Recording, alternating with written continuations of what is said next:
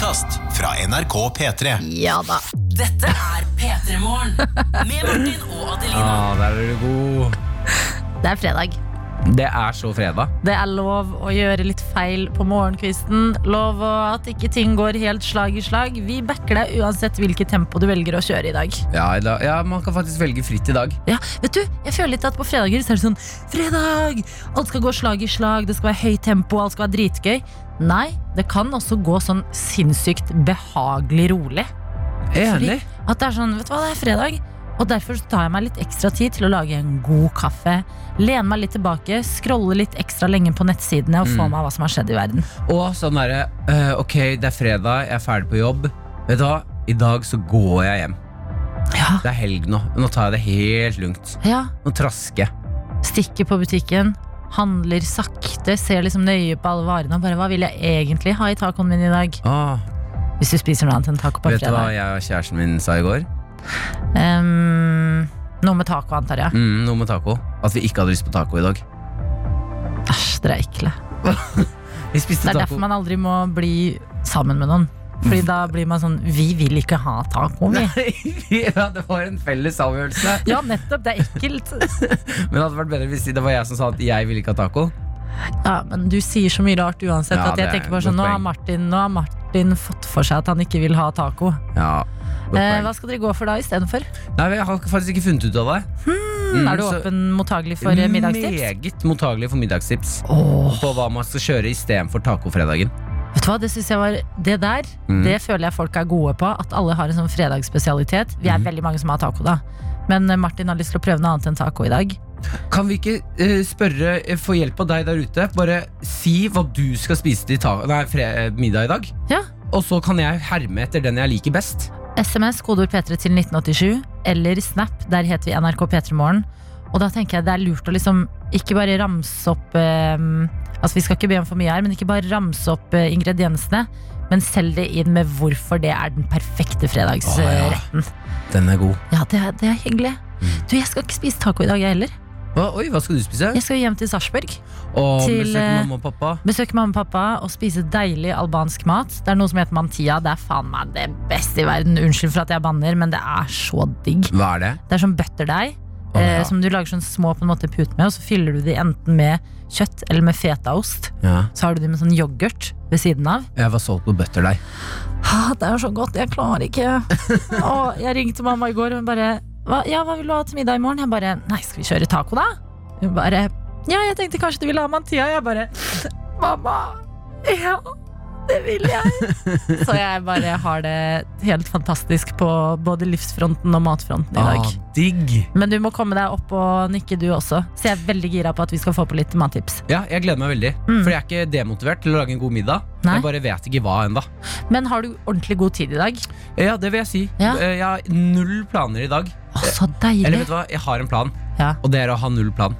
Yes, Ja ass. Jeg har også en plan Hva da? om å ha en bra dag. Ah, Ja. Det er en god plan, ass. Vi er ekle mennesker, men vi kjører på. Men kan jeg bare ta en ting eh, som jeg opplevde nå i morges? Ja.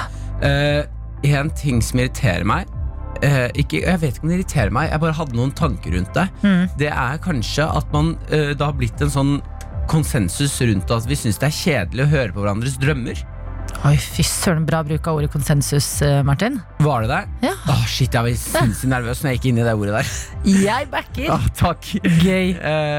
Uh, uh, nå, jeg kan egentlig gi meg der. Nå er jeg på topp. Nei, gi oss drømmen. Uh, men det som er greia er dette I natt hadde jeg en Eller i dag tidlig hadde jeg en sånn drøm som jeg egentlig hadde ganske kraftig behov for å prate om. Du, vi tar den. Så jeg holdt på å vekke kjæresten min og bare du, jeg må bare fortelle noen, Fordi jeg kan ikke leve med det her alene. Men den inn, det handler om Markus Neby. Ja. Ja, Markus Ulf Neby. ja. Nei, ulv. Ulv, Ikke nei. Ulf, ja. Ja, Alle dager, ulv. Eh, ok, kjapp, Veldig veldig fort forklart. Jeg bare syns at det var så ubehagelig å drømme det at jeg må si det til noen. Ja. Men jeg smurte meg inn med sjokolade. Hmm. Sjokoladepålegg i, i kroppen, og så rullet jeg i chips. Sånn at kroppen min var på en måte en potetgull. Jeg skjønner at Markus Neby er involvert i denne drømmen på en eller annen måte. Ja, eh, og mens det her skjedde, så prøvde jeg å fange en ape, lokke en ape til meg med da sjokoladekroppen min. Og da kom Markus Neby med gitar og spilte Spilte spilte, spilte sjokoladesangen mens jeg prøvde å fange ha? denne apen. Og sjokoladesangen? Ja, sånn, han, han spilte en sang som Ja. var sånn Han har sjokolade på kroppen, og han har en ape som han prøver å fange. Det som er gøy, er at hvis du bare hadde sagt i går skjedde det rareste. Ja, Uh, dette skjedde. Jeg rullet, smurte meg inn sjokolade, rulla i chips, lokka en ape og Markus Neby spilte på gitar. Så kunne jeg bare lent meg tilbake bare Ja, hvorfor ikke? Fordi jeg føler begge dere har det i dere og bare La oss gjøre det. Ja, Ja. ja jeg kjeder meg litt. Det er torsdag, hva skal vi finne på? Nei, la oss møtes og se hvor det bærer hen. Ja, altså Hadde det skulle filmet det og gjort noe gøy ut av det, så kunne jeg fint gjort det. Det var Mm. bare når jeg våkna, Ja. så var jeg bare sånn Wow, nå kjennes det ut som jeg har vært i krigen. ass Mm. Jeg hadde sånn puffy øyne, jeg var sliten i kroppen fordi jeg hadde Ja. løpt så mye rundt med sjokolade og potetgull på meg. Ja. Det var sånn, jeg må, jeg må fortelle noen om det her. Jeg kan ikke leve med det her alene. Og, Men så har jeg en, et anstrengt forhold til å si til folk at kan jeg snakke litt med deg om drømmen min. Fordi folk syns det er så kjedelig. folk syns det er kjedelig. Jeg syns ikke det. Gjør du ikke det? elsker å høre på drømmene til folk. Og hvert fall Ok. fortell- men jeg merker ofte når jeg skal fortelle min egen at jeg ikke husker detaljer. At jeg er sånn Ja, det var en helt sjuk drøm, da. Eh, jeg tok i det håndtaket, og det var løst. Um, hva Og skjedde etter det? var det så sprang, og da Ja, det var, du, vet du hva, det var veldig rart. Det var bare Jeg husker litt for mange detaljer ja, av det her greiene her. Det skjønner jeg. Du, du, hadde hatt godt av å huske litt mindre av den drømmen Ja, faktisk. Men det var bare en drøm, Martin. Mm. Dette er virkeligheten. Du nettopp skrudde på, så har det seg sånn at vi hver eneste mandag her i redaksjonen samles rundt spåkula og spår ting vi tror kommer til å skje i løpet av uka. På fredagen da samles vi på nytt, og så ser vi hvordan det har gått med spådommene. Så nå har vi fått inn også deg, videojournalist Daniel, God morgen, god morgen. og til å holde score på det hele, produsent Line. Ja, det stemmer. Og Martin, du er jo også med som vanlig. Jeg lurer på, Er det noen som har lyst til å begynne med å legge frem eh, spådommen sin og hvordan det har gått? Kan, eh, Daniel har lyst til å starte. ok, ja, for du har ikke eh, gjort eh, Du har ikke funnet fram ditt Du har da, gjort ditt jeg, kart, jeg, jeg, og du er klar? Jeg er klar. Jeg kan godt begynne. Ja, begynn du. Ja, da gjør jeg det. Veien dit kunne vært lettere.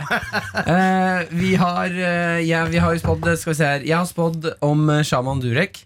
At han kommer til å Hvis jeg husker hva jeg hadde spådd riktig nå, så spådde jeg vel at Shaman Durek kommer til å komme ut og fortelle hvordan han kan kurere korona. Ja. Nei. Nå var det ikke det? Jo, det var det vel. Var det ikke det, Line? Nei, du sa ah, hvordan sex kan kurere korona. N nei, ikke hvordan sex.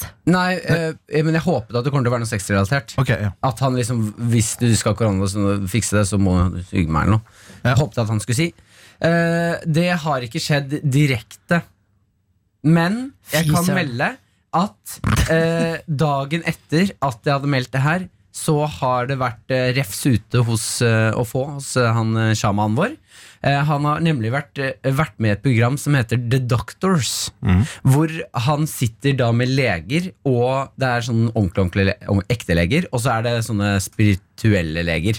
De prøver å lage en liten bro mellom dem her. Så det er et program eh, som produseres av blant annet de samme som Dr. Phil. De som produserer Dr. Phil. Ja. Eh, det er disse som har produsert dette her. Der hvor Shaman Durek sitter og snakker om eh, forskjellige typer sykdommer og hvordan løse det. Hvor jeg mener at han kanskje har Han er jo innom korona på et tidspunkt. ja. Ja. Hva er det som skjer? Nei, jeg, Lene, hva mener du? Nei, det er, det er, eh, det er litt tynt. Ja. Det er det. Men uh, imponerende research. Ja. Skal du ha, Martin. Ja. Takk. Men uh, det er, det er på en måte så langt jeg kom på denne spådommen. Jeg vil bare dele det. Noen vil kanskje kalle det syltynt. Ja, Men, uh, jeg, ja. jeg er med på syltynt. Jeg bare, jeg, det er ikke jeg som bestemmer Nei, hvor tynt det er. Jeg syns det er en veldig god spådom. Jeg, går, jeg hopper over til meg selv, Daniel. Mm. er frekk nok til det. Fordi denne uka så spådde jeg at vi kom til å få en beskjed av helseministeren, og, eller generelt regjeringa, om at det vil være lov å samles flere på 17. mai. Eh, Du sa Bent Høie. Ja, Bent Høie. Mm. Det gjør ikke noe, det. Fordi det var Bent Høie som i går på pressekonferanse klokka seks kunne fortelle at eh, akkurat nå så er det lov å være opptil 20 personer samla privat med én meters mellomrom. Så min spådom har jo gått i oppfyllelse. Det, det var jo Erna først som fortalte, Ja, men og så var det Kjell Ingolf som sa at du kunne være flere, det, ja. flere på 17. mai. ja. Men jeg bare lurer på noe. Det gikk opp for meg nå. Men kan jeg bare si en ting? Jeg har selvkritikk på mine Eller sånn, det har skjedd, men det føles kjedelig. Ja. Herregud, det er kjedelig å spå sånn som du alltid gjør, Daniel. Ja, for det, Sånn trygt. åh, det, er så ty, det er så dårlig stil å bare sånn gi meg kritikk for gode spådommer som har gått i oppfyllelse, og så tar du en snarvei Men kan med jeg, din mm. kan jeg hoppe inn nå? Fordi Forskjellen her er vel at eh, du har hatt litt spådommer, Daniel, men denne spådommen Den var vel for å gi Daniel et stikk. For å vise Ja. hvor lett det kan gjøres. Ja. Men den bikka vel over, for det her visste jo vi at all, altså alle visste at det her kom Man til å skje. visste jo ikke at det kom til å skje. Vi hadde jo fått beskjed om at det kom til å skje. Nei, vi visste jo ikke. Vi visste at det skulle komme en pressekonferanse som kanskje ville inneholde ny informasjon. Og Høie gikk vel ut på søndag i eh, intervjuet og sa at det mest sannsynlig Ja, Vil skje igjen, jeg ikke sant? tar all kritikk dere kommer med. Det er derfor jeg har valgt denne spådommen denne uka her. For å vise Daniel. Dette har vært et eksperiment. Se, Daniel. Se så kjedelig det er når det går i oppfyllelse på disse tingene. Nå får jeg poeng, og det føles ikke gøy engang. Men du kunne gått fram som et godt forbilde og lagd en skikkelig gøy spådom, så Ja. blir Daniel blir misunnelig. Ja. Ja. Ja, Så over til deg, Daniel. Nei, jeg spådde jo at en eh, stor norsk artist eh, ville arrangere eksklusive minikonserter. Altså, og flere i løpet av en dag. ja. Eh, og det jeg fant ut på tirsdag, var at Sondre Lerche skal arrangere konsert på Vigelands mausoleum. Altså Mausoleum er et sånn lite, liten bygning der flere er gravlagt. Og Da skal han arrangere minikonsert med 20 stykker maks. Og han skal arrangere tre på fredag og tre på lørdag. Oi! Yes. Faen, det var spot on! Ja. Jeg vet, det? jeg vet ikke om den var, var den kjedelig og enkel, den spådommen. Nei, den var god, men nå prøver Line å si noe. Ja, fordi du sa også at eh, disse konsertene ville være noe man måtte betale veldig mye penger for. Ja. Eller vinne en konkurranse for å komme inn. Ja, Det var et eksempel, ja, det var eksempel da. Fy søren. Ja, det var eksempel. Hva Nei, men- syns dere, Line og, og, og Martin? Hvem burde få poeng?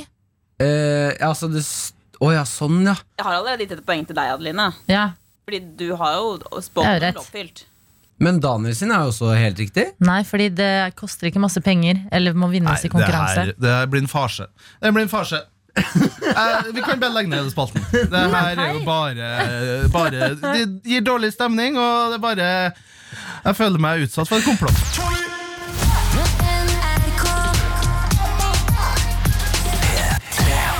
Og vi er jo nødt til å prate litt om at Norge åpner igjen. Ja, gradvis så skjer det, og i går så fikk vi beskjed om at det skjer enda mer nå fremover. Ja, Vi kunne i går få vite at nå er det lov med privatarrangementer. Altså hente inn fem Er det 20? 20. 20 venner til eh, fest. Ja, det har jo vært eh, fem hittil. Mm. Nå er det økt til 20, men det som er greia og folk har jo vært veldig spent denne uka her med tanke på 17. mai. Man er jo så vant eh, til å ha liksom 17. mai-frokoster eller selskap eh, på den dagen. eh, At hvor mange kan man samle? Fordi det må jo planlegges litt her. Mm. Eh, Men det må jo også være én meters mellomrom fortsatt. Ja. Sånn at hvis man skal være 20 stykker samla, så er det ikke den der klassiske 17. mai-frokosten hvor man sitter som sild i tenne. tett, ja. Nei, det, er jo, det må jo faktisk være mellomrom. Og når jeg tenker på de fleste vennene mine og eh, stuene de har, eller hjemmene generelt, så tror jeg ikke vi vil kunne være 20 folk med én meters mellomrom. Eh, hvis eh, jeg skal spise eh, 17. mai-frokost med vennene mine, Ja. så har jeg plass til å ha maks fire eller fem rundt det bordet. Hvis Ja. vi skal ha en meter. Ja, Man kan jo dele opp da, lage liksom en løsning at noen sitter på kjøkken eller sånn stua. Ja, Men det er bare, man må ikke gå på den smellen der. Ja, fordi jeg må innrømme, jeg var forberedt i går på eh, Og nå må man jo bare, som med alt annet, følge rådene og, og stole på at det er gjennomtenkt. Men jeg tenkte i går at det blir ti. Ja, Ti personer blir det økt til. Så da det ble 20, så var jeg litt sånn Oi! Det var mange. Det var mange som skal holde veldig mye regler og vaske veldig mye hender og holde avstand når man først samles. Og jeg syns det er dødsdigg at Norge åpnes igjen, men jeg sitter med en sånn følelse at all den jobben vi nå har gjort, føles sånn meningsløs. Ja. Det, for meg så virker det som eh, Eller jeg får liksom følelsen at nå har vi jobba så hardt og vært så flinke, og så var det kanskje ikke helt nødvendig, for det virker ikke ut som vi på en måte åpne Norge sånn sakte, men sikkert og er flinke. Nå virker det bare ut som de er sånn Åh, dette var jo altfor strengt. Du, vi bare ut igjen. Ja. Nå kjører vi. ja. Eh, så jeg får en sånn følelse av sånn, ja, men da det kommer til å blusse opp igjen. Ja, det er jo den følelsen jeg tror liksom mange sitter med. Da. Det er jo ikke sånn at fordi det er lov å henge 20 folk, så må man være 20 folk, eller så går det ikke. Eh, men det er jo det der med at i hvert fall jeg kjente på det i går. Jeg har vært veldig klar. Jeg har sittet og liksom trippa litt etter at ting skal åpne litt mer, bare så hverdagen skal føles litt mer normal.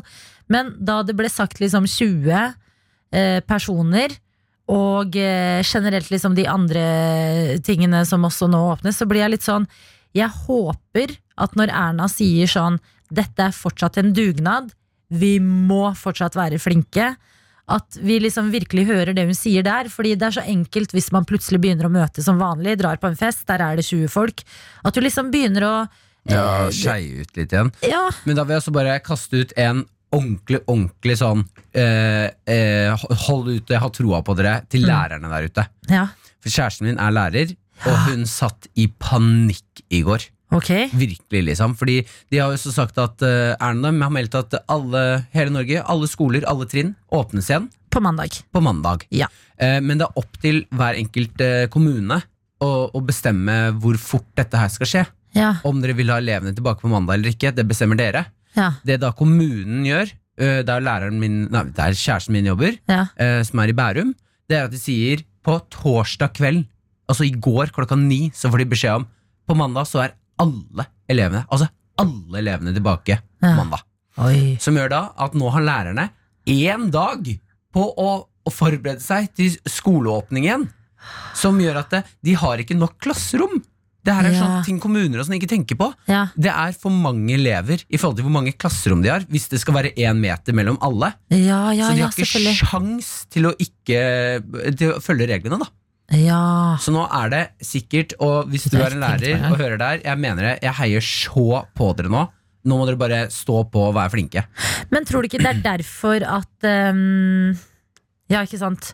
Det er nok derfor regjeringa har gitt det ansvaret videre til kommunene. For da kan man se an litt hva man har av muligheter og ikke. Ja. Men når da kommunen sier samme dag vi kjører på og åpner, uten å kanskje ha liksom en backup Ja, hva er det jeg mener. Nå går det for fort. Ja. Jeg, bare, jeg, jeg, jeg skjønner Jeg synes det er sånn Det er faktisk i første gang koronatilstanden Ja, at jeg blir litt sånn wow, hva skjer nå? ja. Nå føles det ikke ut som vi har kontroll. Mm.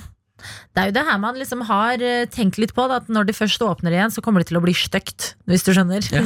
og så er det vår oppgave at det faktisk ikke blir det. Sånn at bare fordi du eller jeg da kan eh, Det er mye enklere når det ikke Når vi ikke er lærere og det er en jobbsammenheng. Mm. Fordi her på vår jobb så er det veldig enkelt å tilrettelegge. Det er jo ikke et rom fylt av folk, det er to meter. Alt er liksom ekstra varsomt. Men um, det er jo Altså, vi kan jo fortsatt gjøre vårt beste, selv om det nå uh, tøyes litt grann på hva som er lov og ikke. Ja, jeg håper vi gjør det. Men shit, lærerne. Ja, Vi heier på dere, altså. Det gjør vi jo egentlig alltid. Men sånn, det blir så ekstra tydelig noen ganger. Lærere, sykepleier, butikkansatte. Mm. Folka på gulvet. Man sier Lykke til. lykke til. Vi, altså, vi er back i crewet. P3 Morgen. Med Martin og Adelina. Straks er det altså helg. Men du har, eh, du har sagt noe ganske hva skal man si, kontroversielt i dag, Martin. Ja, jeg meldte at eh, jeg og min kjæreste ble enige om å ikke spise taco til middag i dag. Vi vet ikke hva vi skal spise, Nei. men det blir ikke taco. Nei, eh, og derfor så har vi spurt deg der ute om tips og råd til fredagsmiddagen. fredagsmiddagen. Og da tenker jeg at hvis du, altså hvis det finnes andre som heller ikke har bestemt seg, som merker sånn nei, det blir ikke taco i dag fordi det har jeg gjort hver fredag de siste 15 åra. eh, Så går det jo an å ha ørene litt ekstra åpne nå, fordi det kommer inn veldig mange gode tips. Vi har allerede fått inn eh, nachos eh, som tips. Du var litt skeptisk, Martin. Ja, jeg bare ser meg Det er ikke middag, liksom. Nei, men det er, Da har vi fått en ny melding fra One som skriver du kan jo ha så mye mer på nachosen enn bare kjøttdeig og mais. Fyll på med rødløk, paprika, tomater, vårløk og bland litt raspa gulrot sammen med kjøttdeigen. I tillegg til masse ost. Og så har du jo guac og rømme og salsa ved siden av. Ja. Som er eh, åh, Jeg får vann i munnen. Det er for tidlig. Klokka er bare sju. Vi fikk inn en veldig fin en her òg, fra Sara. Hun skriver Hva med den perfekte blanding mellom taco og lasagne? Taco-lasagne. Oi, det har jeg aldri hørt om. Det skal jeg og min samboer feire med. For i dag vurderer få i dag vurdering på fagprøven, ja. Å ja, de får vurdering på fagprøven! Yes. Så kan hende det blir en skikkelig feiringsdag. Det håper jeg, fordi tacolasagne høres ut som best of both worlds. Jeg er litt enig. Du, det er uh, Sliten fisker er med oss i streamen og har, uh, har kommet med det mest eksotiske forslaget hittil i dag. Hvem var det? Eh, sliten fisker. Sliten fisker. Ja. Ja. Stekte torsketunger skulle dere ha testa, Martin. Vet du hva, sliten fisker. Du og pappaen min, dere to må møtes. Det er alt jeg sier der. Men stekte, altså torsketunger, har du sett hvor mye business det ligger i det? Ja, Det er laget en sånn film Ja, det er rundt omkring på sånn fiskevær i eh, forskjellige småøyer i, i nord. Så er det eh, barn jobber med å skjære torsketunger på torskehodene. Og det er en sånn delikatesse som er superpopulær og ganske dyr. Så kids blir superrike. Jeg mener sånn ekte superrike på å skjære torsketunger som skal være sykt digg. Aldri prøvd det selv. Jeg har, jeg, visst, jeg har ikke tenkt over at fisk har tunge. Nei, Hvis du skjønner hva- hva jeg mener? jeg skjønner hva du mener. Har du, har du noen gang sett en fisk gjøre sånn? Jeg har sett en fisketunge før, men jeg har ikke sett det gjøre sånn. Har du sett en fisketunge? Ja. Jeg vet ikke om jeg har sett en fisketunge før. Jeg har aldri sett en Jeg har fiska før, fått opp en torsk. Ja. jeg har aldri sett at den, når de åpner munnen, at det plutselig kommer en tunge ut. Hvorfor har Du vet at fisk har smaksløkene sine i rumpa? Nei! Jo, det er helt sant. Fisk har smaks... Altså de der dottene for å smake på maten, det, kommer, ja. det er i rumpa. Så du får først smakt når du skal bæsje det ut? Ja, jeg skjønner ikke hvorfor øh, Jeg skjønner ikke hvorfor fisken da har uh, tunge. Ja, det, vet du hva? Dette er et tankespinn jeg absolutt ikke var forberedt på. Men torsketunge, det, er, Det er det det vet jeg folk digger. Ja, jeg kan uh, si det sånn at jeg kommer ikke til å anskaffe noen torsketunger i dag. Gyros. jeg skriver det ned. Gyros. Ja. Å, fy søren, gyros er digg, ass. Ja, det var, Nå det holdt jeg på å bli sint her. det er så digg at jeg ble litt sint. Å, fy faen! Det er digg, ass. Beklager, beklager, jeg ble bare så gira. Ja da, det er tid for dagens quiz. Den handler om ingen andre enn Jesus. Jesus? Yes, Jesus! God morgen, Daniel. Du skal være med på quizen. God morgen. Du, Det er eh, seks spørsmål om Jesus som venter på deg. Du trenger riktig på fire av dem. Da vinner du en nydelig P3 Morgen-kopp som du kan fylle med kaffe eller te. eller hva enn du måtte like. Og før vi skal sette i gang, så bare lurer jeg på hvordan du eh, har det i dag. Jeg har det veldig bra. Koser meg på jobb. Ja, vi må jo vite, Daniel. Lever du et syndfritt liv? Eh, absolutt ikke. Men eh, Jo da, jeg gjør jo det. Hva, Ja, ja. ja, hva er den siste synden du gjorde? Eh, å, det er så lenge siden at jeg kan ikke huske. Men uh, jeg kjørte vel litt for fort til jobb i dag, kanskje.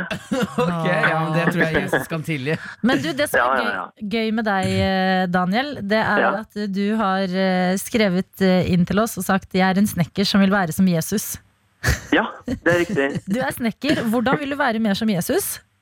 Eh, det blir jo da å være hyggelig mot alle jeg møter, og passe på at de har det fint. Hadde vært rått å gjøre Ja. vann om til vin òg, da. Ja, det er sant, men det funker. Jeg har prøvd mange ganger, men det funker ikke. Fylt opp eh, vann i vasken og satt i proppen og Ja.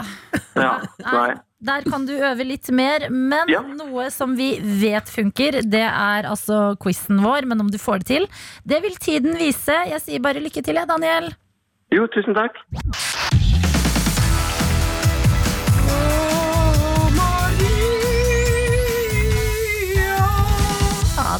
Er ekstra, ekstra lyd på dagens quiz, hvor vi har med oss Daniel. Vil han klare det?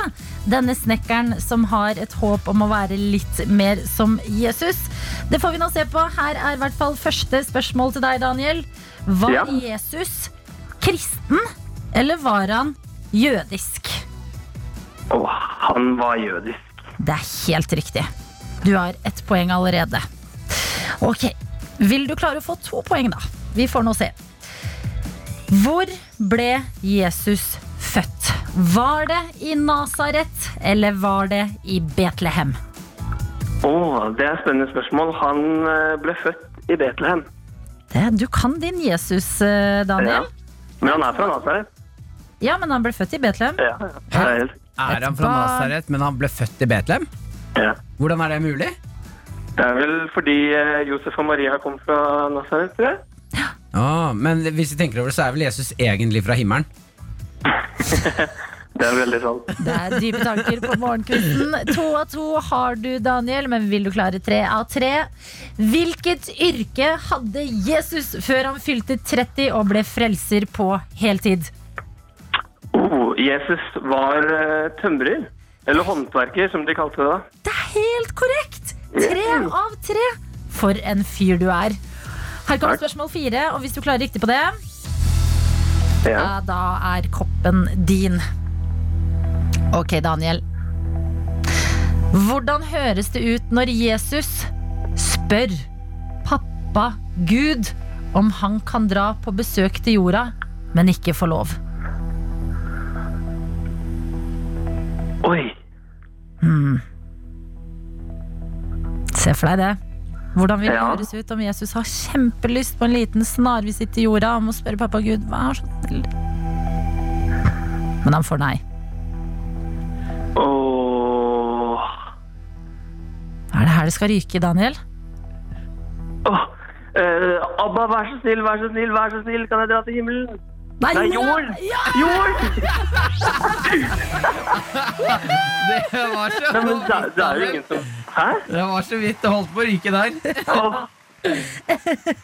Du, Daniel, du har klart fire av fire. Koppen Ja. er din, men det er her det blir spennende. Har du lyst Oi. til å gå kvitt eller dobbelt? Det vil si Ja, var du klar? Ja, ja. Ok, vi Ja, jeg er jo klar før jeg vet hva det er for noe, men ja. Ja, men det forklarer seg nesten Oi, selv. oi, oi. Klarer du seks av seks, da eh, så får du en ekstra liten eh, premie i koppen din. Hvis Oi. du feiler på de to siste spørsmålene, ja, da stikker du tomhendt ut av denne quizen. ja. Nei, men eh, livet er en gambling, så vi blir med på det. Livet er en gambling. Åh, Jeg elsker det. Ok, Daniel. Kan du nevne navnet på én av Jesus sine tolv disipler? Johannes. Det er helt riktig. Fy søren, ett spørsmål igjen! Oh. Denne her er ganske tricky. Sånn helt på ekte. Du har kunnet det hittil, du har klart deg bra. Tolv disipler, det er mange å velge mellom. Ja. Det er ikke et nytt lurespørsmål. Det er ikke et nytt lurespørsmål, du. Dette er fakta fra Bibelen. Hvor Ja. mange personer vekket Jesus fra de døde? Her får du noen alternativer. Ja. Tre, Ja. fem eller seks? Oh. Tre. Ja! Daniel! Daniel! Fy søren! Jeg trodde Jeg var litt redd for at du skulle ryke på den siste, men det klarte du, ass. Ja. Daniel, du er en eh, helt knallbra Åh, jobba i denne quizen om Jesus. Jeg håper at du får en fin dag eh, i snekkerjobben din. Og hvis det ja. Det er sol. litt. Ja, er det sol? Ja, ja. Hvor er du hen? Eh, jeg er i Sandvika. Du er i Sandvika, ja. Kan vi få en liten Fader Maria der før vi drar? Ave Maria.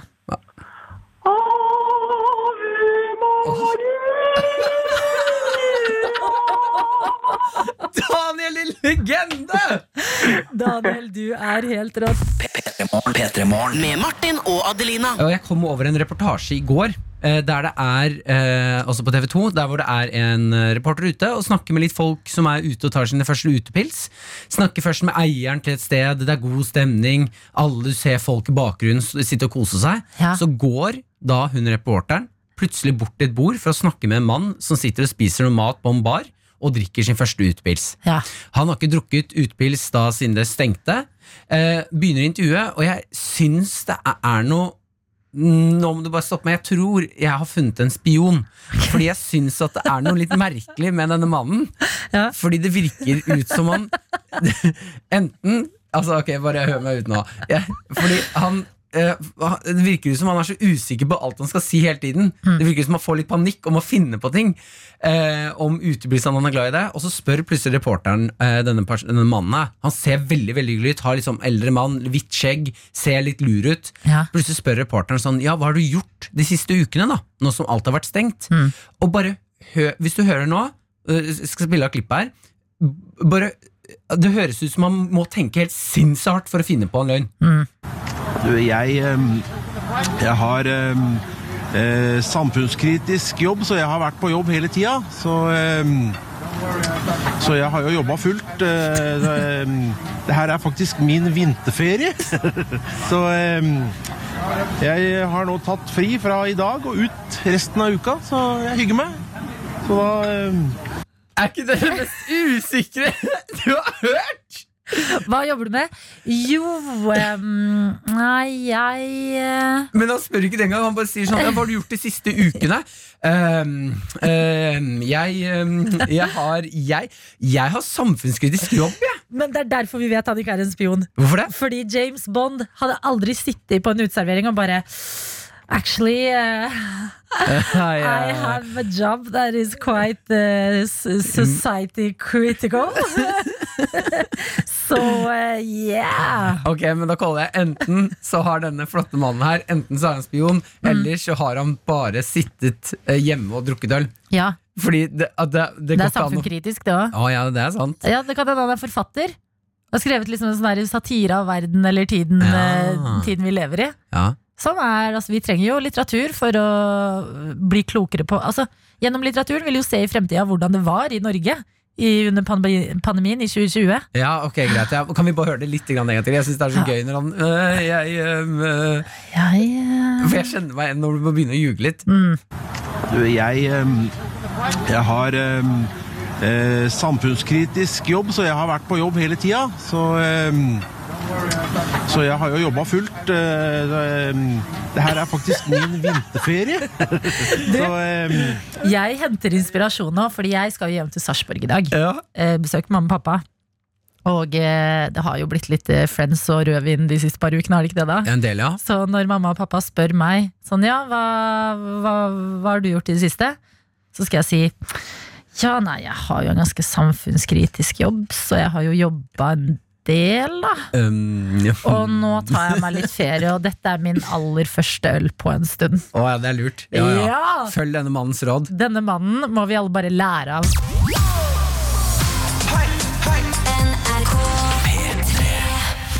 Vi har fått besøk vi av deg, artist og skuespiller Adam Esari. God morgen og velkommen. God morgen, tusen takk. Veldig hyggelig å være her. Du er eh, på besøk hos oss eh, i dag fordi du eh, faster, blant annet. Det og det er så Jeg har så mange spørsmål og så mye på en måte eh, Hva skal man si? Kjærlighet. Og prøver å backe dere som gjør det nå. Ja. Fordi det er så lange dager ute.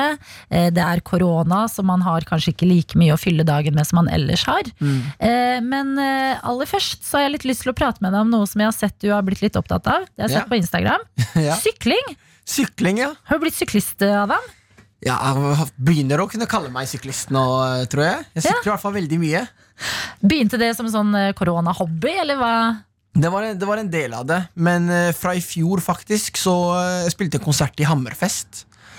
Og der, av en eller annen grunn, så kom alle som skulle på konserten, kom på hver sin sykkel. Ja.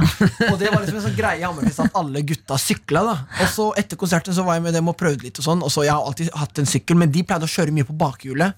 Og altså steile da på, på sykkelen. Og det var sånn, det der ser dritfett ut. Ja, og så, og så snakka jeg med dem og fikk prøve sykkelen. og sånn Og da jeg, jeg ble veldig sånn forelska med en gang. Vet du hva, jeg må ha meg sykkel Men da lurer jeg på, når dere sier sykling nå Mener du liksom, er du, Sykler du i sånn der sykkelbukse og sånn speedo-hjelm og bare tuter ut? nei, nei, nei, nei. Hjelm har jeg kjøpt meg. Den ble tvunget av mamma og pappa. Ja, det er bra. Da, det er bra Du, det Men er hva slags sykling er det du gjør?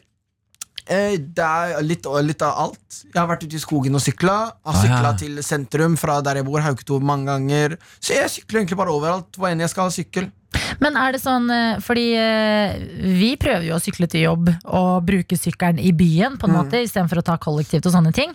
Men er det sånn sykkel som du også kan ta på en langtur? Stikke ut i skogen, for Ja, ja, ja. ja, jeg kjøpte jo Jeg brukte jo et par uker før jeg, Eller på å finne den, min perfekte sykkel. da Ja. Så jeg har kjøpt meg en Det er en terrengsykkel, men altså man kan, man kan bruke den litt overalt. Okay. Det er i hvert fall det jeg gjør. Ja. Man kan jo låse bremsen, og da føles det i hvert fall litt mer ut som en Nei, låse demperne.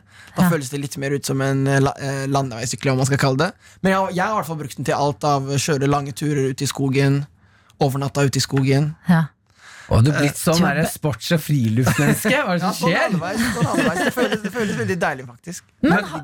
Har du det, eller sånn? Fordi det høres ut som sykkelgamet ditt. Når du må begynne å snakke om å dempe, altså fikse dempere og ting, da er du langt forbi oss. Men den her natur, eh, altså sove ute-greia, henger den også sammen med sykkelinteressen og det å komme seg ut? Ja, ja det gjør det. Hva er digg med å være ute, Adam?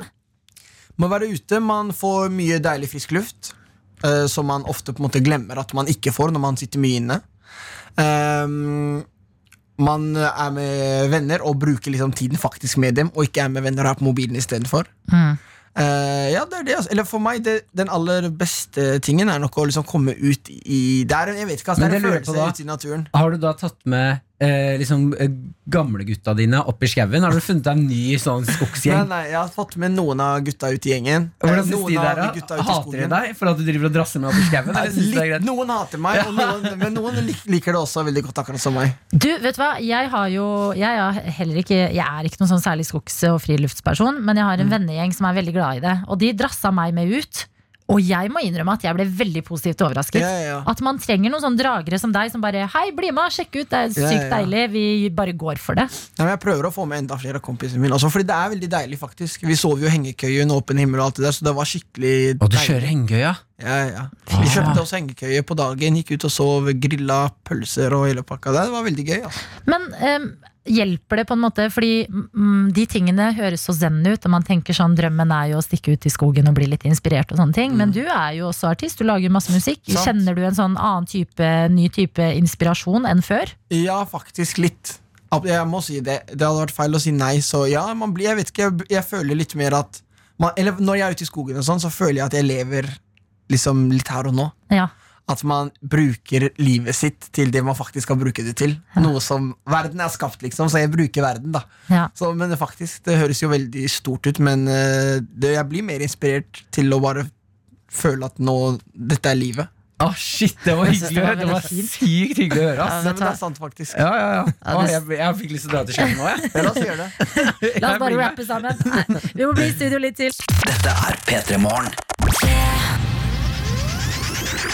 Med Martin og Adelina. Eh, du, det er ramadan nå, Det er det.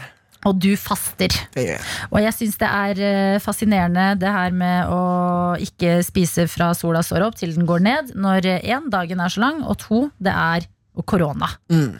Eh, hvordan er det annerledes å faste i år enn andre år? Det er jo det at eh, Eller ramadan er jo ofte en eh, tid hvor man samles enda mer med venner og familie. Og liksom gå gjennom den fasten sammen, spise sammen, og gjøre det til en veldig sånn samholdsgreie. da Og det blir jo litt vanskelig i år.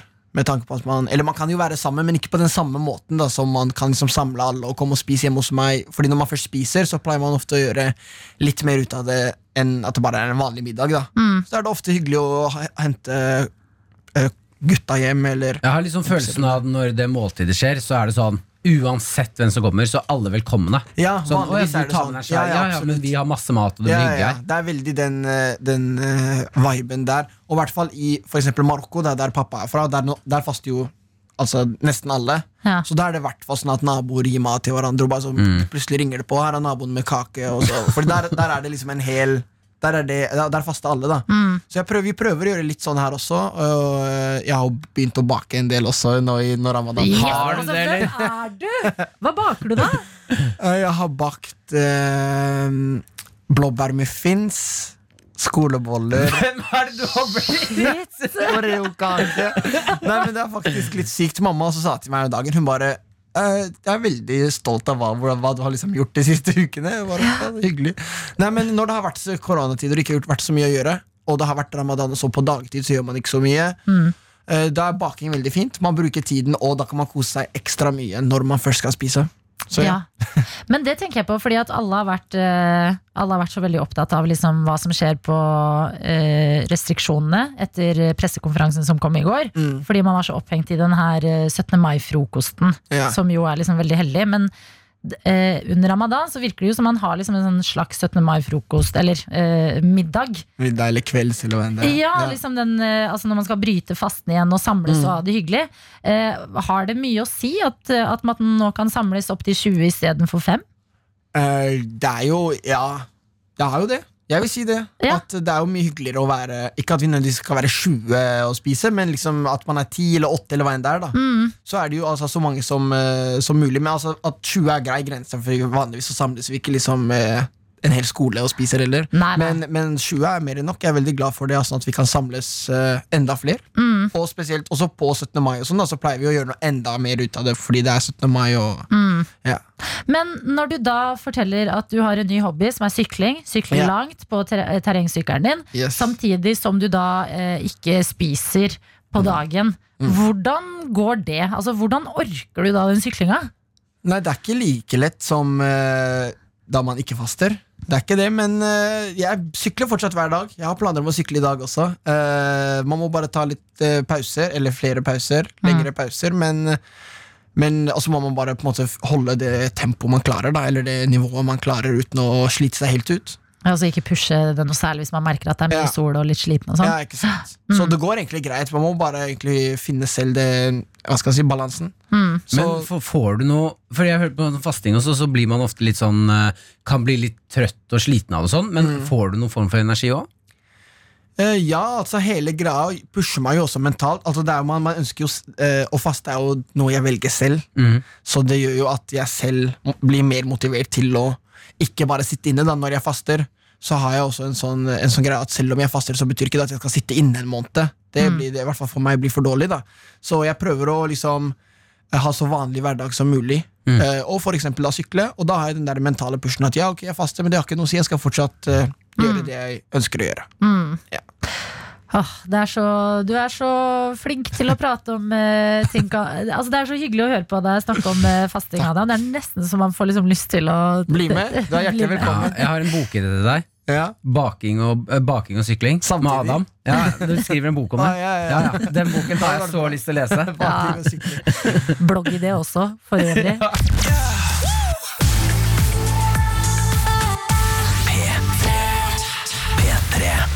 Litt om hvordan det er å rett og slett faste nå som eh, verden er litt eh, ekstra spesiell. Eh, og eh, du skal få lov til å gi litt tips, eh, eller sånne ting som i hvert fall funker for deg når eh, fasten kanskje blir litt mer utfordrende enn ellers. Men før det så vil jeg bare høre sånn Altså, det med faste, det virker som det må komme, motivasjonen for å gjøre det må komme innenfra for å klare det. Jeg tror det hjelper mye, i hvert fall. Ja, å hva- ha den motivasjonen. Hva er din indre motivasjon? Hvorfor faster du? Altså Først og fremst så er jo eh, Eller det er mange som faster av forskjellige grunner, men akkurat dette med ramadan, så er jo det en, en, eh, noe som har med religion og islam å gjøre. At eh, man skal faste en måned hvert år, og det er jo også no, en av de største, eller mest sentrale eh, hva heter det, prakti praktisjonene? Ting å praktisere på. Det er måten ja. å praktisere på. Ja, Praktisjonene, det ordet skjønte jeg i hvert fall. Ja, du skjønte ordet ordet. jeg likte det. ja, så det er jo eh, en del av religionen, da. Så det er jo eh, selvfølgelig en, den på en måte største motivasjonen. At Ja. man, man føler at det her gjør man for noe større. Men eh, altså, det er veldig mange andre bra ting med å faste og grunner til å skulle gjøre det. Det er bra for kroppen. Kroppen får rense seg når den har god tid til å Eller ikke blir det fylt på hele Ja.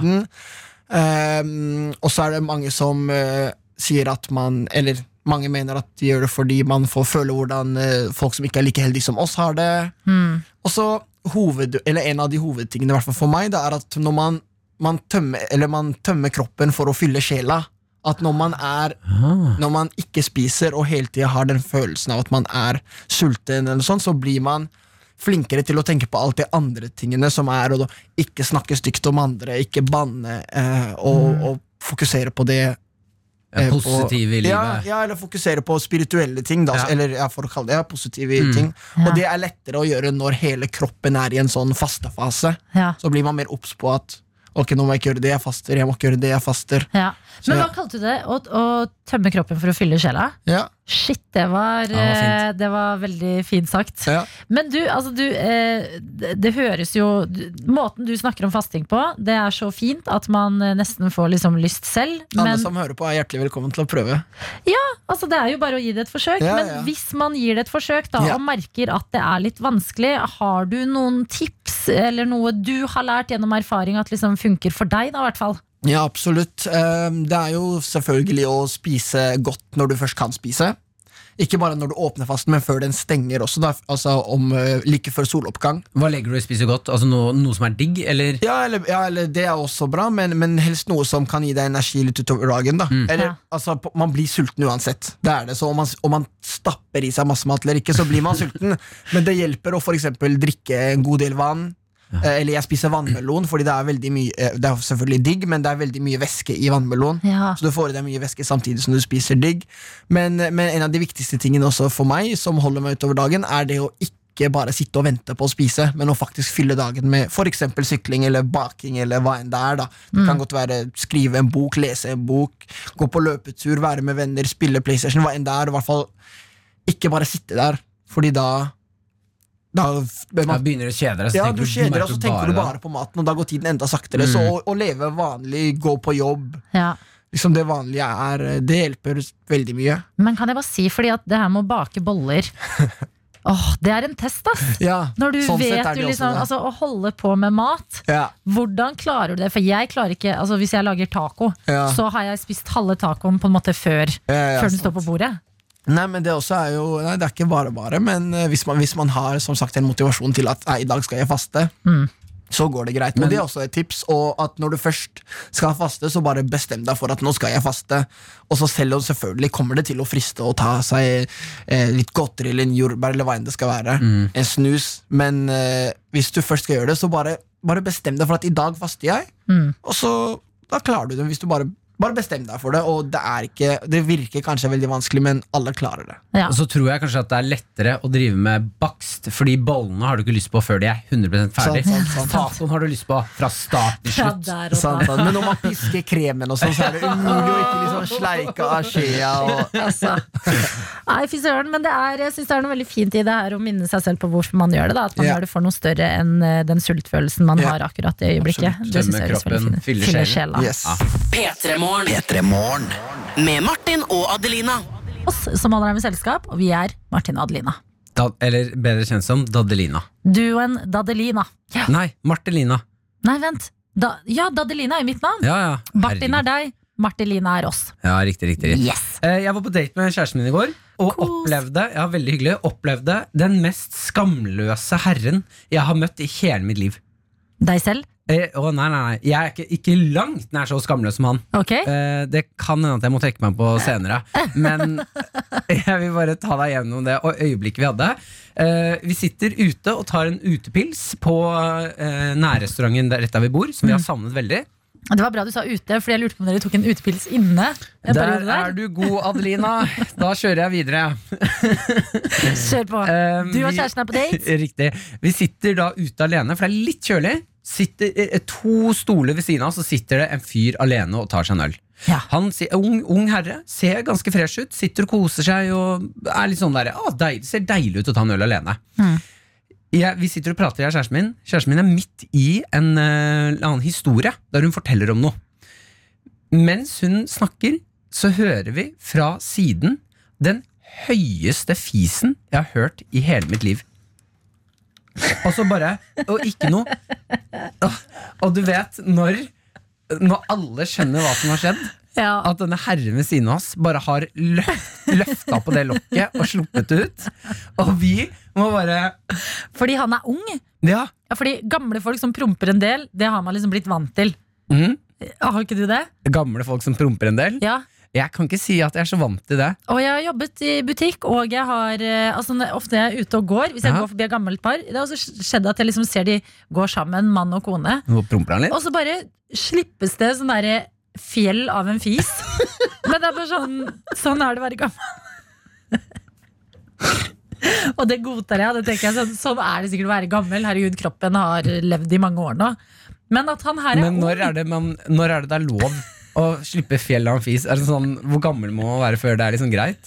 For det er jo en spennende debatt. da. Når er det Ja, greit å spennende. fise, liksom? Når du er sånn søt gammel. Nei, men det er Da ikke kan, alle- når du er søt baby og søt gammel, da kan du fise så når, mye er, du vil. når er det man blir søt gammel? Hvilken alder er det? Um, Er det 75? ja, er det 75? 80, ser jeg for meg. 80? Det kommer jo an på, da. Mhm. Er det noen som blir søt gamlere før andre? Eh, nei, men jeg tenker sånn Åh, Det er vanskelig å definere. Hæ? Det er vanskelig å sette grensa akkurat. Hva er det som skiller en 74 15-åring fra en 75-åring, liksom? Det er noen ekstra rynker, da. Nei, det er ikke det ofte. Ok. Men er du ikke litt enig i at man godtar dem? Altså, da er de eldre. Man tenker sånn ja ja, kroppen begynner å liksom oh, jo, jo, jeg skjønner veldig godt hva du mener. Men han her ved siden av dere er jo en, en Ung herre, ja. Så Så det som skjer her med han, det er at jeg og kjæresten min får øyekontakt når han uh, løfter på det lokket. Og så, bare må, og så stopper kjæresten min i ett sekund og blir sånn Å, hørte vi det? For det var ekte sånn Sånn bra lyd på den her.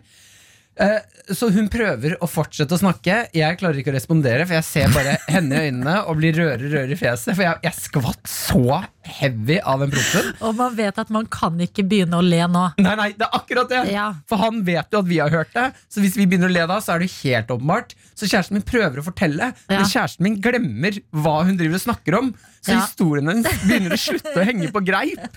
Så historien hennes er sånn Nei, så var vi på skolen, kommer fisen, så var det sånn Og etter da hadde vi jo bada med Det var noe eh, Altså var det en, de derre endene eh, Så hun, hun Hun bare hakker seg. Men hva om dette er på en måte post eh, korona lockdown oppførsel? At man, man har glemt Jo, eller sånn at det vil komme til normalen, men at man i en liten periode tenker at man sitter inne alene. Bare jeg har blitt vant til å Han fyren her tenker sikkert sånn Jeg er vant nå til å drikke øl i leiligheten min og prompe når det faller meg inn. Kan, det, Eh, at tenk, det er sikkert masse ting vi har glemt nå. Ja, Sånn, uh, å ja, du, du kan ikke pelle nesa her, du er ikke hjemme. ja. Promping. Å, klær. Å, shit, det er sikkert masse ting vi har glemt. Kanskje vi bare må, Det er her den der rausheten kommer inn. At vi må være litt rausere med hverandre og tenke at sånn, nå er vi litt sånn uh, rustne på uh, hvordan vi oppføres, oppfører oss når vi er sammen ute. Ja. Men der lurer jeg på, er det noe jeg kunne gjort i den situasjonen for å liksom redde inn? Burde jeg liksom sett på han og gitt en tommel opp eller noe? Mm, det Shrek gjør i Shrek. i Shrek-filmen, Ja. eller Shrek og Fiona, når Shrek promper, Ja. så blir han litt flau. Og da promper Fiona tilbake for å vise sånn Jeg backer deg. Å, det er det mest alfa-move jeg har hørt! Ja. Han fiser, vi Det er ler, og så fiser vi tilbake. Mye livslærdom i Shrek. Shit, Shrek. Jeg må se Shrek igjen, ass. Ja, jeg vet.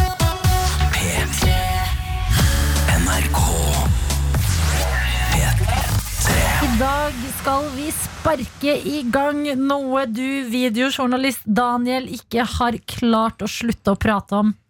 Hva er det vi skal inn i? Mine damer og herrer, la oss snakke litt om færøysk fotball. Altså færøysk fotball. La oss eh, kjøre i gang med det der.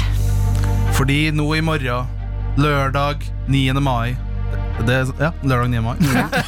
Eh, så skal vi få endelig fotball som betyr noe.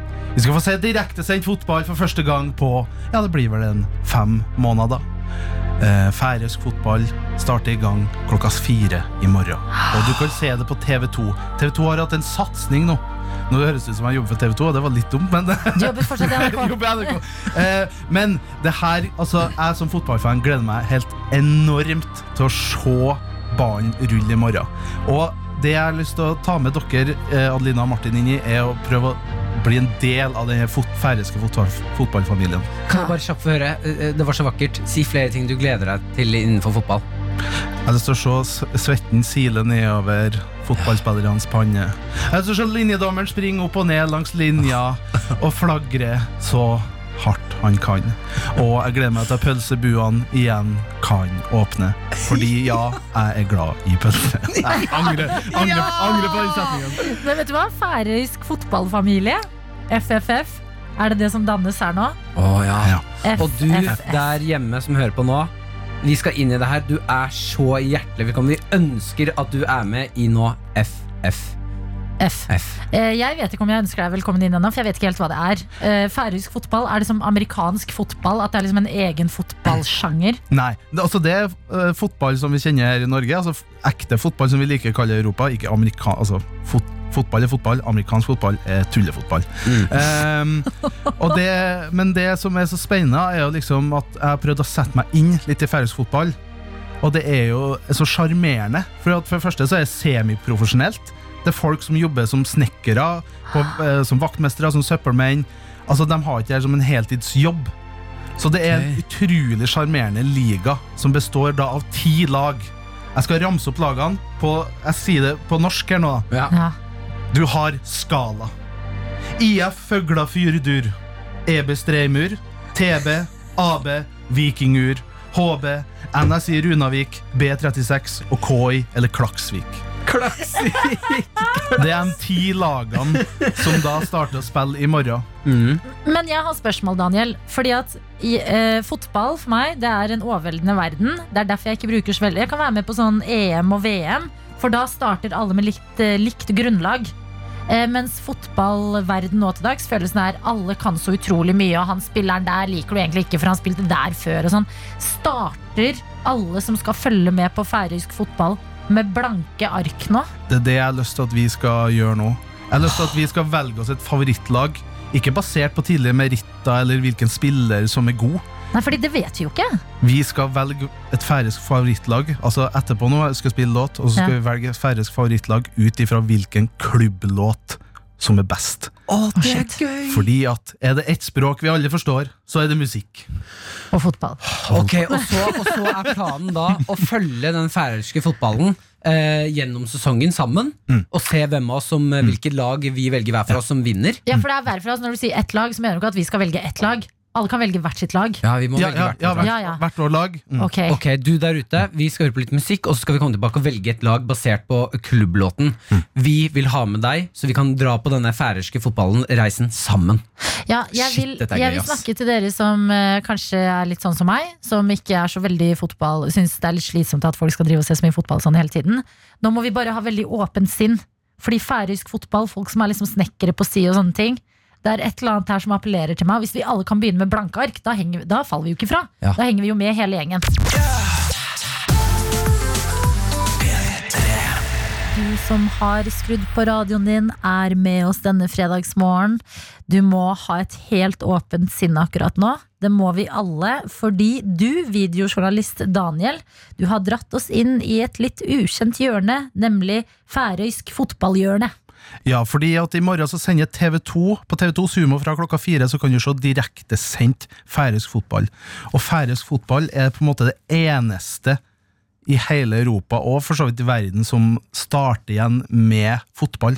Ja. Så er du litt fotballinteressert, så kjenner du ekstra at det kribler nå, og når du vet at i morgen så starter det igjen. Ja, men Kan det hende at liksom færøysk fotball nå får en faktisk boost, fordi Liverpool og Arsenal og Det de lagene de der har pause? Det er det de spår, og jeg har allerede sett at det er blitt starta to færøyske supportergrupper på Facebook her i Norge. Oh, Så det holder på å blomstre. Jeg har allerede sett at på en av de Facebook-gruppene til laget B36, for eksempel, Høres ut som en rappgruppe fra Bergen. ja, Det høres ut som en knallhard sånn gjeng, Det er. B36! Eh, Men dem, der er alle planlagt å ta en tur til høsten, når utenlandsreiser åpner opp igjen. Men jeg vil bare si at når vi nå skal velge vårt lag basert på eh, klubblåten deres eh, Du som hører på nå, vit at eh, jeg, du og jeg Adeline, er ganske samme båt. Jeg kan Ja. ingenting om fotball. Jeg har ikke vært med noe på fotballting. Jeg har ikke noe lag. Det er derfor jeg elsker det her. For nå skal jeg endelig få være med med blanke ark Ja. og være med inn i fotballverdenen og ha et lag. Ja. Og det er da ti lag i den færøyske toppserien da, som starter i morgen. Eh, og jeg har valgt å snevre inn til de fire beste klubblåtene av Ja. de ti lagene. Det er rett og slett Av de ti eh, lagene i toppserien, så er det da to som jeg rett og slett ikke fant noen klubblåter til. Nei, det er jo fordi de var opptatt med å være på snekkerjobben og Ja, ting. det er det. Eh, og da ble, da, dessverre, da ble ikke du med i vår, eh, Trekning. vår, vår trekning. Beinhardt. Um, og det jeg tenker da Og jeg valgte litt ut etter forskjellige typer sjanger. At det skal være sånn tydelig skille. Du skal på en måte Liker du eksempel litt rolige sanger, så velger du det laget jeg skal spille etterpå nå. Ja. Um, så skal vi bare sette i gang da og velge ut ifra fire topp fire beste klubblåtene. Ja. Hvilket favorittlag skal vi ha i færøysk toppfotball? Okay. Og vi begynner med eh, B36 sin. Og her, det minner meg kanskje litt om Ramstein, sånn 90-talls Ramstein. Bare, bare tenk litt på det.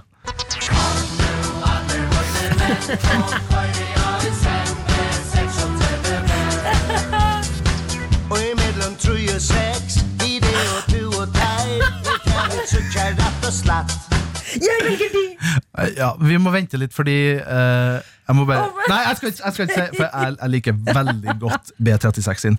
Vi går videre til uh, Skala sin låt. Og er du en som liker ballader, ja, da vil kanskje laget her være ditt lag. Skala. Skala er okkar liv Stamde du Og synge vi er skala Eh, Det er litt som å høre på Eurovision-låter der. Ja, Men så er det fotballåter. Jeg elsker det. og det du hører i kanskje Skala sin eh, stemme da på sangen her, er jo at den er litt, eh, litt sesar. Den har vært gjennom mye smerte, mye sorg, kanskje. Ja, men da kan du også, det som er bra med Skala, er at du kan rope sånn Skala-mål nå, gutter! Det er noe, Der er du god. Der er du du god. Hva, den sa du ikke helt? Mm. Jo, jo, jo, den bare måtte synke. Jeg må bare, bare pause for å la det synke inn hos folk som hører på. seg, Adelina, når du gjør sånn med oss. Eh, nå skal vi videre til nummer tre, av, eh, som da er et annet hovedstadslag. De heter HB. Og det her er litt som Queen. Eh, hvis eh, First Price har laga Queen, så er det det her. First Price Queen.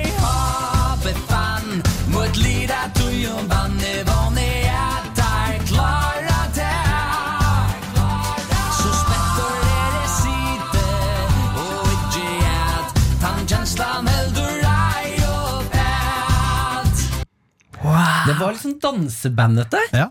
Det, eh, for det er to ting som går igjen av de ti eh, klubblagene. Det er Eurovision og danseband. Det er litt den viben.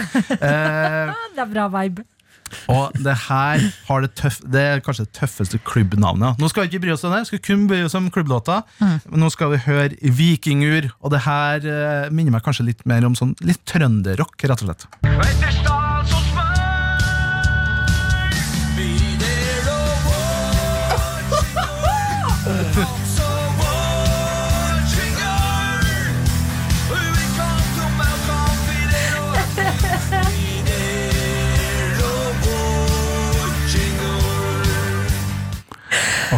Ja, jeg, har har- jeg vet ja. akkurat hvilken jeg skal ta. ass.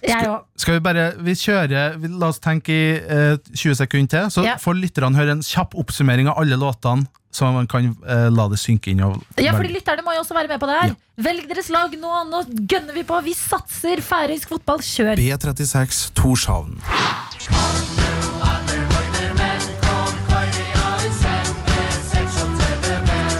Skala. Skala er okkar liv HB Torshavn. Er i havet Mot er der klara Og til slutt Vikingur.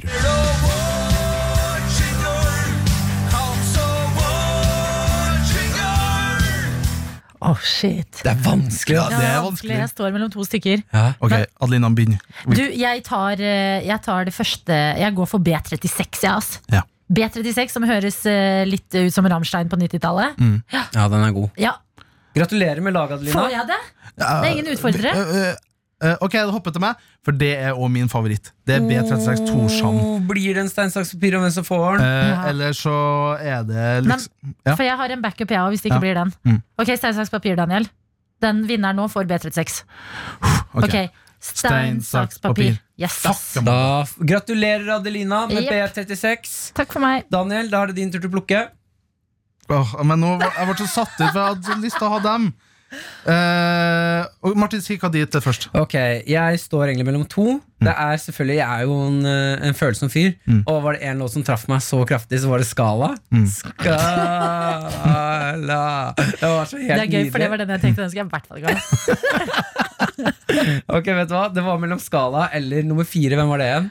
Nummer fire det er et band fra De har ikke laget noen fotballåter. Trønderrock.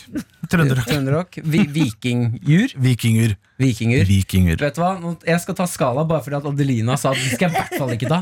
Så vet du hva? Jeg går for det følsomme Skala. Ok, jeg vil ha, Da vet jeg hva jeg vil ha. Da vil jeg ha First Price Queen. Yes. Altså HB. Åh, Og det Nå skal jeg spille på en trønderford... Nei, nei trønderfordom. Mm. Jeg liker jo HB fordi at det er hjem- hjemmebrent. Nå er det kun stereotypi. Ja, ja, ja. Stereotypi, Det er kødd. Ja, Det er. Ja, er, Gratulerer, Daniel, med lag. Gratulerer alle sammen med Gratulerer. velget. Vi har hvert vårt lag. Jeg har Mm. veldig lyst til at flere skal slenge seg på det her. Du der Mm. ute som eh, liker fotball eller har åpent sinn, vanligvis ikke ville gått inn i noe sånt her, men nå er det coronatime, så hvorfor ikke?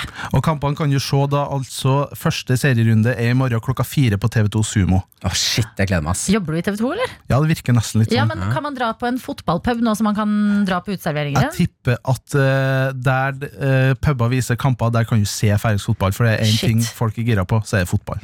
Åh, jeg gleder meg til å sette meg inn i draktene og ting til fotballaget mitt. Ja. Nå skal Ja. jeg backe, jeg skal begynne å følge alle av de på Insta. Mm. Åh, det blir stygt. Ja, det- ja, det stygt, Dette er P3 Morgen. Med Martin og Adelina. Jeg har kommet over en sak eh, som er fra 2016, som jeg ikke skjønner at vi ikke har fått høre om før nå. Det er om svartedøden. Ja, Den visste du at Det den var vel litt før 2016, det svar. tror jeg. Har du hørt Det seilte et skip inn i 2016. Det kom noen rotter og noe greier til Bergen. Men det er, visste du at svartedøden At du kan fortsatt få det? Vet du, det visste jeg har jeg fokuserer nå så mye på å ikke få korona at jeg har glemt å bekymre meg for hvorvidt jeg kan få Det er et sted i verden der, du kan, der det fortsatt finnes masse svartedøden, den pesten. Ja. Eh, det er da en regissør, altså en norsk regissør, Christian Holm Glad, som skulle filme Vent. Mm. Glad? Holm Glad. Heter han Glad til etternavn? Ja, Holm Heldig. glad. Heldig, det var koselig Ja, han, ser, han er ikke spesielt glad nå. Nei, det skjønner jeg Han har fått svartedøden. Hvorfor? Hæ? ja. I- Hvorfor ler du? jeg jeg, jeg syns det er helt sjukt. Han var i Det er i Kasakhstan. Så er det et laboratorium med masse rotter og sånn, og eh, sikkert ute til fri òg, eh, som har, som har Martin, du Ja. som snakker om liksom ordentlige ting, sånn laboratorier med rotter hvor det testes og holdes på, ja. det er min favoritting. Kjør på. Eh, velkommen til Martins eh, eh, forskerhjørne her. Lab. lab. Eh, han har vært og filmet i Kasakhstan, og så skulle de inn i dette laboratoriet for å filme litt av disse rottene med svartedøden. Da møter han masse leger og sånn med sånn fullt smittevernsutstyr. Han går inn uten noe på. Dette får de vite om etterpå, eh, senere, så han får masse kjeft. Og bare sånn, dette er faen ikke greit, dette er alvor, liksom. Men var det, ringte det ingen bjeller da det står liksom flere leger i fullt uh, utstyr, og han bare går uten? Jo, men han sa det gikk litt fort i svingene. Og jeg tenker sånn eh, Skal du la det gå litt fort i svingene når det er snakk om svartedøden? Ja. Eh, han får altså beskjed om da at hvis du nå får høy feber og hovne kjertler i halsen, Mm. eh, så må du si ifra. det får han. Han får Nei. kjempehøy feber, begynner å svette, oh. hovner opp kjertler, og skjønner at yes, jeg har fått svartedøden. Da får han beskjed om at du er i Kas- Kasakhstan nå. Her er det ganske vanskelig. Det er klønete, det er dårlig kommunikasjon og sånn. Mm. Eh, Det er vanskelig å få tak i medisiner. Hvis ikke du får medisiner innen fire dager, så må du begynne å planlegge begravelsen din. Ja. Hæ? What the hell? Nei, tuller du? Nei! Ok, Men skjer dette nå? Nei, det skjedde jo i 2016, og det er derfor jeg ikke skjønner Hvorfor har vi ikke hørt om det her før? Ja, men Det kan jo hende vi har hørt om det, altså, men at eh, du og jeg ikke har lest nyhetene den dagen. Jo, man snakker ut om hendelsen sin nå. Ok! Ja. Ok, så saken er ny. Han, nå snakker han ut om en episode han hadde i 2016. Mm. Ok, Men det betyr at han lever, Han lever. og det er bra, for da fikk han eh, medisinene sine Mm. innen fire dager. Ja. Men kanskje det er sånne ting man på en måte tar for gitt, eller jeg vet ikke. At man har liksom Svartedøden er ikke et problem lenger, men det kan jo fortsatt, man kan fortsatt få det. Jeg aner ikke. Ja, det, jeg bare synes det er sjukt å tenke på liksom, den tingen som bare utryddet halve Norge. Mm. Du kan fortsatt stikke til Kasakhstan, og så fins den. Jeg ser for meg en eller annen dag, så er det sånn Å, nei, nei, nei. Du må ikke dra til uh, den eh, siden der. Der har de fortsatt korona. Jeg tenker et radioprogram i året 3020, når de bare øh, Vent litt, her er det en fyr som har fått korona! er ikke det det mest Hva? retro dere har hørt? Oi, men det er en gøy måte å se det på. Han er, han er den mest retro mannen i verden akkurat nå. Du, han er jo, følger jo ikke strømmen, da, for å si det sånn. Han Altså- skiller seg ut med svartedøden når alle andre går rundt og har korona. Å ja, du trodde du var hipster? Ja, svartedøden, ja.